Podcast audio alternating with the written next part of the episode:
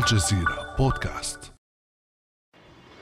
فجأة أغلقت الحدود وتوقفت حركة الطائرات وألغيت ملايين الحجوزات والرحلات وبدت المطارات التي لا تهدأ خالية كما لم تكن من قبل. ضربت جائحة كورونا العالم فكانت السياحة من بين أكبر ضحاياها. وبعد حوالي عام ونصف من ظهور الفيروس بدأت تظهر بوادر التعافي لهذا القطاع في مناطق كثيرة حول العالم فكيف أثرت جائحة كورونا على السياحة؟ وما هي استراتيجيات انعاش هذا القطاع؟ وهل تشكل هذه الصائفة بداية لتعافي السياحة؟ وما هي أهم الوجهات السياحية العالمية؟ وهل تشكل السياحة الداخلية البديل في ظل التذبذب بين إغلاق الحدود وفتحها في بعض الدول السياحية؟ بعد أمس من الجزيرة بودكاست أنا أمل العريسي.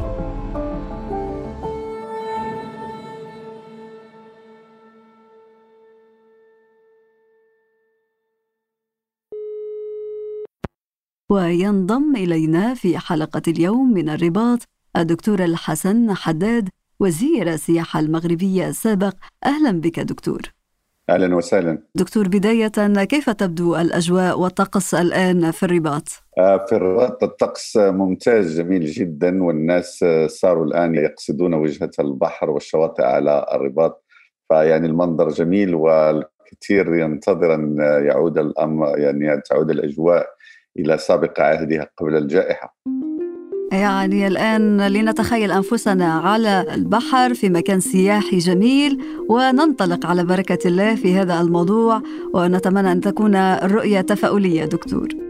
إن شاء الله إن شاء الله شكرا في البداية دكتور دعنا نسلط الضوء على السياحة هذا القطاع الذي يعد أكثر أو من بين أكثر القطاعات تضرراً من جائحة كورونا حول العالم بعد تسجيل خسارة تقدر بنحو 320 مليار دولار خلال الأشهر الخمسة الأولى من العام الماضي. لنستمع بداية إلى أمين عام منظمة الأمم المتحدة أنطونيو غوتيريش. That is why it has been so painful to see how tourism has been devastated by the COVID-19 pandemic. من المؤلم للغاية أن ترى كيف دمرت جائحة كورونا السياحة فخلال الأشهر الخمسة الأولى انخفض عدد السياح الدوليين الوافدين بأكثر من النصف وسجلت خسارة بنحو 320 مليار دولار من الصادرات السياحية وبشكل عام هناك حوالي 120 مليون وظيفة مباشرة في السياحة معرضة للخطر يعمل الكثير منهم في الاقتصاد غير المهيكل أو في مؤسسات صغيرة ومتوسطة الحجم توظف نسبة عالية من النساء والشباب. الأزمة تمثل صدمة كبيرة للاقتصادات المتقدمة، لكن بالنسبة للبلدان النامية فهي حالة طوارئ وخاصة بالنسبة للعديد من الدول المكونة من جزر صغيرة نامية والبلدان الإفريقية. أرقام صادمة دكتور حداد جعلت القطاع السياحي يمر بأسوأ أزمة في تاريخه ما هو حجم الضرر المالي والاجتماعي الذي طال هذا القطاع وفق آخر المعطيات دكتور؟ هو هذا قطاع مهم جدا لأنه قطاع رقم معاملة القطاع تصل إلى 9 تريليون دولار يعني أنه 9000 مليار الدولار فهو يعني قطاع مهم جدا ومهيكل لأنه يؤثر على قطاعات أخرى مثل الطيران مثل الصناعة التقليدية مثل يعني الفندقة والمطعمه إلى غير ذلك. فهو قطاع مهم جدا. وخلال العشرة أشهر الأولى الأمين العام للأمم المتحدة تكلم على خمسة أشهر. خلال العشرة العشرة أشهر الأولى من 2020 وصلت الخسارة 935 مليار دولار. وهذا يعني رقم مهول جدا يعني بالنسبة لكثير من الدول سواء بالنسبة للدول المتقدمه أو بالنسبة للدول السائرة في طريق النمو الولايات المتحدة مثلا خسرت 147 مليار دولار وهي دول يعني ثالث أكبر دولة من ناحية السياحة. نفس الشيء بالنسبة لدولة مثل إسبانيا عرفت فقط يعني 20 مليون سائح وهي التي كانت يعني تصل إلى 75 مليون سائح. فرنسا يعني المتربع على عرش السياحة وكانت تستقبل 89 مليون سائح خسرت تقريبا 42 مليار دولار. ولكن هناك دول كذلك يعني بالنسبة لجزر الكاريب وهي دول تعتمد في 50 أو 60% على السياحة خسرت تقريبا من 60 إلى 80% من دخلها دولة مثل المغرب مثل تونس مثل كذلك جنوب إفريقيا مثل مصر. كذلك عرفت تدهور كبير جدا في هذا القطاع اذا كان هناك تأثير وتأثير سلبي يعني كبير جدا وكان له هذا التأثير على قطاع السياحة أثر على قطاعات أخرى مهيكلة وأساسية فيما يسمى بسلسلة القيم المتعلقة بصناعة الاصفار والسياحة. نعم طيب دكتور كيف تعاملت الدول المتضررة خاصة منها كما, كما ذكرت الدول السياحية الكبرى مع هذه الأزمة؟ هناك تدخل يعني لهذه الدول من أجل الحفاظ على المقاولات السياحية فهناك إعانات مباشرة من طرف كثير من الدول سواء بالنسبة للدول المتقدمة سياحيا والدول المتوسطة. هناك كذلك تدخل من أجل الحفاظ على المكاسب الشغل. هناك تدخل كذلك من أجل أن يتم التحضير لسياحة جديدة وهناك بعض الدول اعتمدت في الصيف الماضي وحتى يعني خارج فصل الصيف على ما يسمى بالسياحة الداخلية مع اتخاذ الاحترازات اذا كان هناك يعني مجهود مهم جدا من طرف كثير من الدول للحفاظ على القطاع السياحي من التدهور الكلي ولكن هذا لم يكن كافيا فالسياحة يعني في كثير من الدول تعرف أزمة خانقة لم تشهدها منذ عقود من الزمن. هذه الإجراءات التي اعتبرتها غير كافية دكتور برأيك كيف يمكن تطويرها؟ ما هي الإجراءات التي يمكن أو الاستراتيجيات التي يمكن أن تعتمدها الدول للخروج من هذا الوضع؟ أنا أظن أنه الاعتماد على السياحة الداخلية أساسي جدا بالنسبة لكثير من الدول فالسياحة الداخلية ربما هي عماد نضج كثير من الوجهات السياحية مثل الولايات المتحدة وفرنسا وإسبانيا التي هي الدول الرائدة في ميدان السياحة تعتمد بشكل يصل إلى تقريبا 30 أو 40 في المئة على السياحة الداخلية. وهذا مهم جدا لأن هذا هو العمود الفقري للسياحة. هذه المسألة الأولى. يجب التركيز على هذا من ناحية الأسعار وأسعار النقل وكذلك إعطاء يعني المساعدات والتشجيعات للسياح الوطنيين. حتى يذهبوا إلى وجهات سياحيه داخل الوطن. هذه المساله الأولى. المساله الثانية يجب أن يكون تعافي السياحة بشكل مستديم، كانت هناك ربما قبل الكورونا يعني توجهات إلى سياحة يعني تعتمد على الأعداد الكبرى وعلى يعني كثير من يعني على سياحة المجموعات إلى غير ذلك فيجب الآن أن تكون يعني سياحة مستديمة بشكل أكثر يعني يحافظ على الثقافة المحلية ويحافظ كذلك على الموارد المحلية. ويجب الآن يعني أنه المرور إلى ما يسمى بالتحول الرقمي فيما يخص تدبير السياحة وفيما يخص كذلك تسويق السياحة. وأنا أظن أن السائح الجديد الآن سيعتمد على مدى هل الوجهة خضراء ويعني مستديمة وتحافظ على الطبيعة وهل كذلك أنها يعني سيف يعني أنها آمنة ويجب التواصل حول الأمن وحول كيف ما هي الإجراءات الاحترازية التي اتخذت سواء بالنسبة للتلقيح سواء بالنسبة للتباعد سواء بالنسبة للنظافة داخل المرافق إلى غير ذلك. هذه مسائل أساسية جدا بالنسبة للسياحة ولكن رغم ذلك يجب تطوير السياحة الدولية لأن هي أساسية وهذا يقتضي تعاون ما بين الدول فيما يخص يعني السفر فيما يخص التأشيرات فيما يخص يعني حل الحدود وكذلك يعني التطمينات التي يجب أن تعطى للدول وللسياح من أجل أن ترجع الحدود إلى سابق عهدها.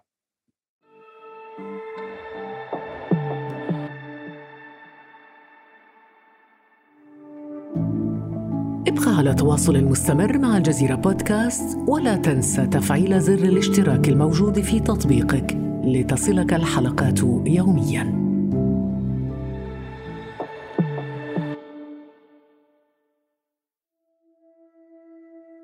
الآن مرت أشهر كثيرة والجائحة كما ذكرنا مستمرة بشكل متفاوت من دولة إلى أخرى ولكن بدأت أيضا بوادر التعافي التدريجي للسياحة في الكثير من الوجهات العالمية Uh, we just had a very uh, good holiday for the Labor Day holiday.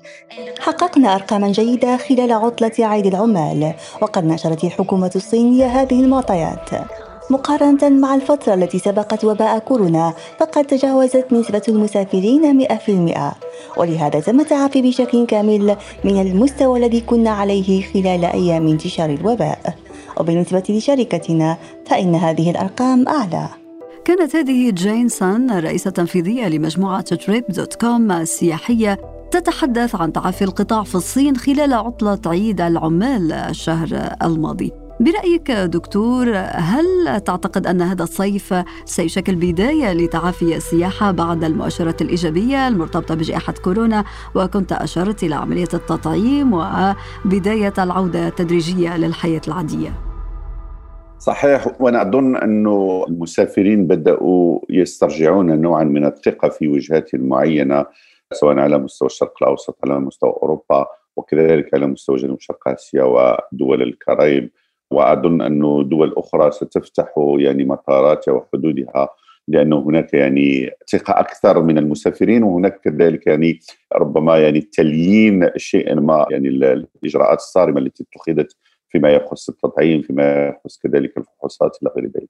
اذا هذه مسألة أساسية، المسألة الثانية انه ما اتخذته الحكومات من أجل دعم يعني المقاولات السياحية بدأ يعطي ثماره لأنه هذه المقاولات يعني تهيأت من أجل أن يعني الآن تسوق الوجهة أكثر وكانت البداية بما يسمى بالسياحة الداخلية. مثلا المغرب الآن أعطت تشجيعات كبيرة جدا للمغاربة الموجودين على مستوى دول أخرى. نسميهم من مغاربة العالم للرجوع إلى المغرب في تشجيعات بالنسبة لتكاليف السفر. إذا هذا مهم جدا. وأنا أظن أنه الكثير من الدول الكثير من الوجهات تركز على أن هذه وجهة آمنة من الناحية الصحية.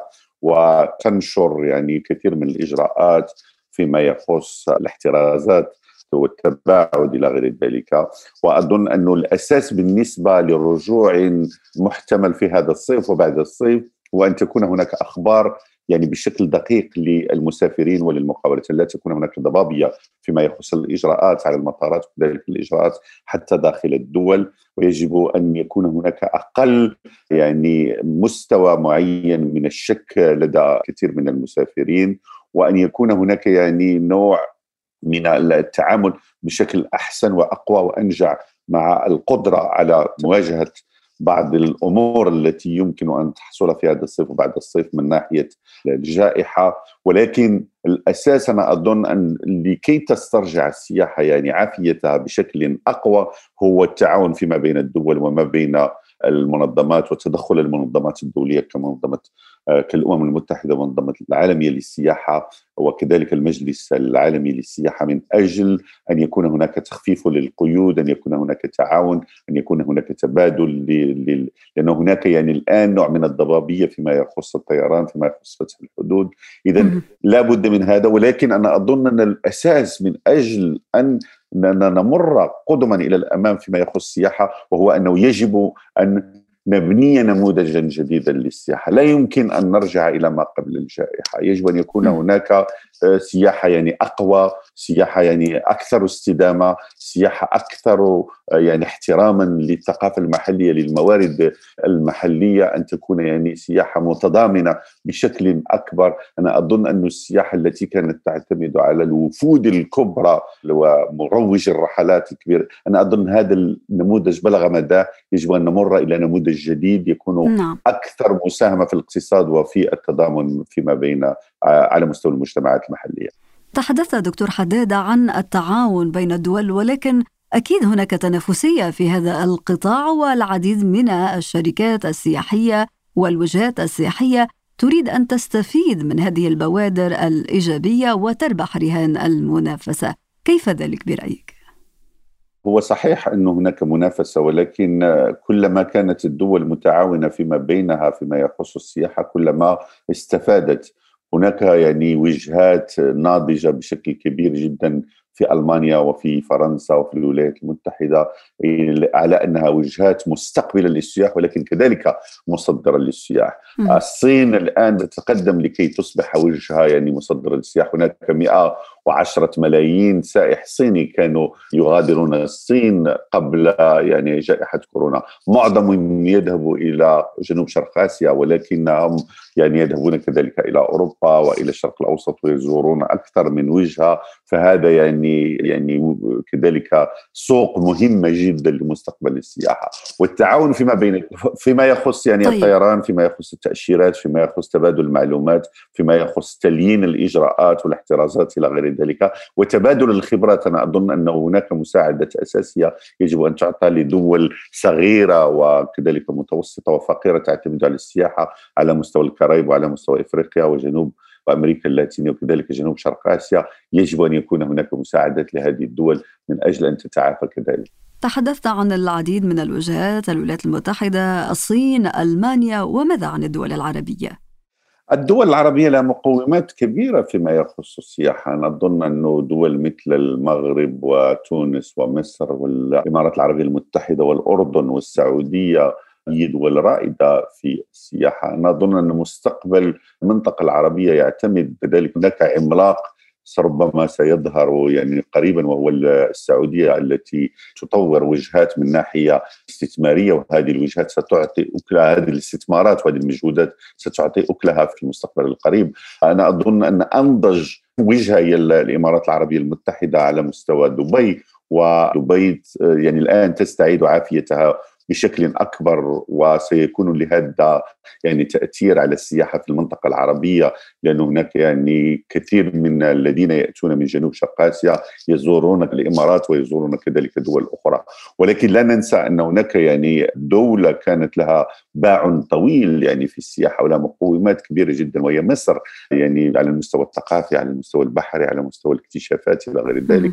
ولها من المقومات ما يجعلها كذلك أنها ستستعيد عافيتها بشكل أكبر. ما يجب على الدول العربية مثل تونس والمغرب ومصر والأردن أن تفعله هو يعني أن يكون هناك إخبار ومعلومات أكثر حول ما هي الإجراءات التي تتخذها هذه الوجهات ما هي التغيرات التي وضعتها من أجل تطمين السياح وكذلك ما هي التوجهات المستقبلية نحو بناء نموذج جديد للسياحة على مستوى هذه الوجهات. م. بالنسبة لوجهة مثل السعودية يجب الاستمرار في الاستثمار في المناطق مثل العلا ونيون وغيرها وهذه ستعطي أكلها في 2025 إلى 2030 بالنسبة أن تكون هناك يعني وجهة مهمة جدا على مستوى السياحة العربية. بالنسبة للإمارات العربية المتحدة نظن أن هناك فرصة كبيرة وهي يعني دبي اكسبو وهذا سيبدأ في شهر أكتوبر سيكون فرصة كبيرة جدا خصوصا مع وجود يعني طاقة إيوائية مهمة على مستوى الفنادق والعقارات بالنسبة للإمارات وبالنسبة لدبي وهذا سيعطي انطلاقة. مع العلم أن هناك دول كذلك يعني تبني سياحتها مثل قطر ومثل دول أخرى مع العلم انه وجهة سياحية مهمة مثل لبنان ستتضرر وربما ستستمر في التضرر من المشاكل الاقتصادية والمالية آه التي تعيشها هذه الدولة مع الأسف رغم انها لها مقومات كبيرة جدا على مستوى السياحي. نعم في ظل بعض الأزمات المالية والاقتصادية التي تمر بها بعض الدول أيضا الوضع الصحي كما ذكرنا متفاوت من دولة إلى أخرى يبقى أن هناك نوع من التخوف من انتكاسة قد تعيد الأمور إلى نقطة البداية. في هذا السياق دكتور هناك هناك من ينصح بالسياحة الداخلية كبديل عن الوجهات الخارجية. دكتور حداد هل يمكن للسياحة الداخلية أن تشكل بالفعل بديلا في ظروف الأزمات والجوائح مثل جائحة كورونا؟ أنا أظن أن السياحة الداخلية عماد الوجهات الناضجة كما قلت ويمكن أن تشكل رافدا مهما من روافد السياحة مع الأسف في بعض الوجهات يتم الاعتماد أكثر على السياحة الخارجية وحين تقع يعني مشاكل سواء بالنسبة لبعض الضربات الإرهابية أو كذلك مشاكل أخرى. يعني تتضرر الوجهه بشكل كبير والوجهات التي تعتمد على السياحة الداخلية يعني تصمد بشكل أكبر. ولكن السياحة الداخلية يجب تطويرها. يعني في دول مثل إسبانيا وفرنسا تم تطوير السياحة الداخلية بشكل كبير على مدى السنوات مثلا من خلال التوفير للسفر مثل ما يسمى بشيكات العطل.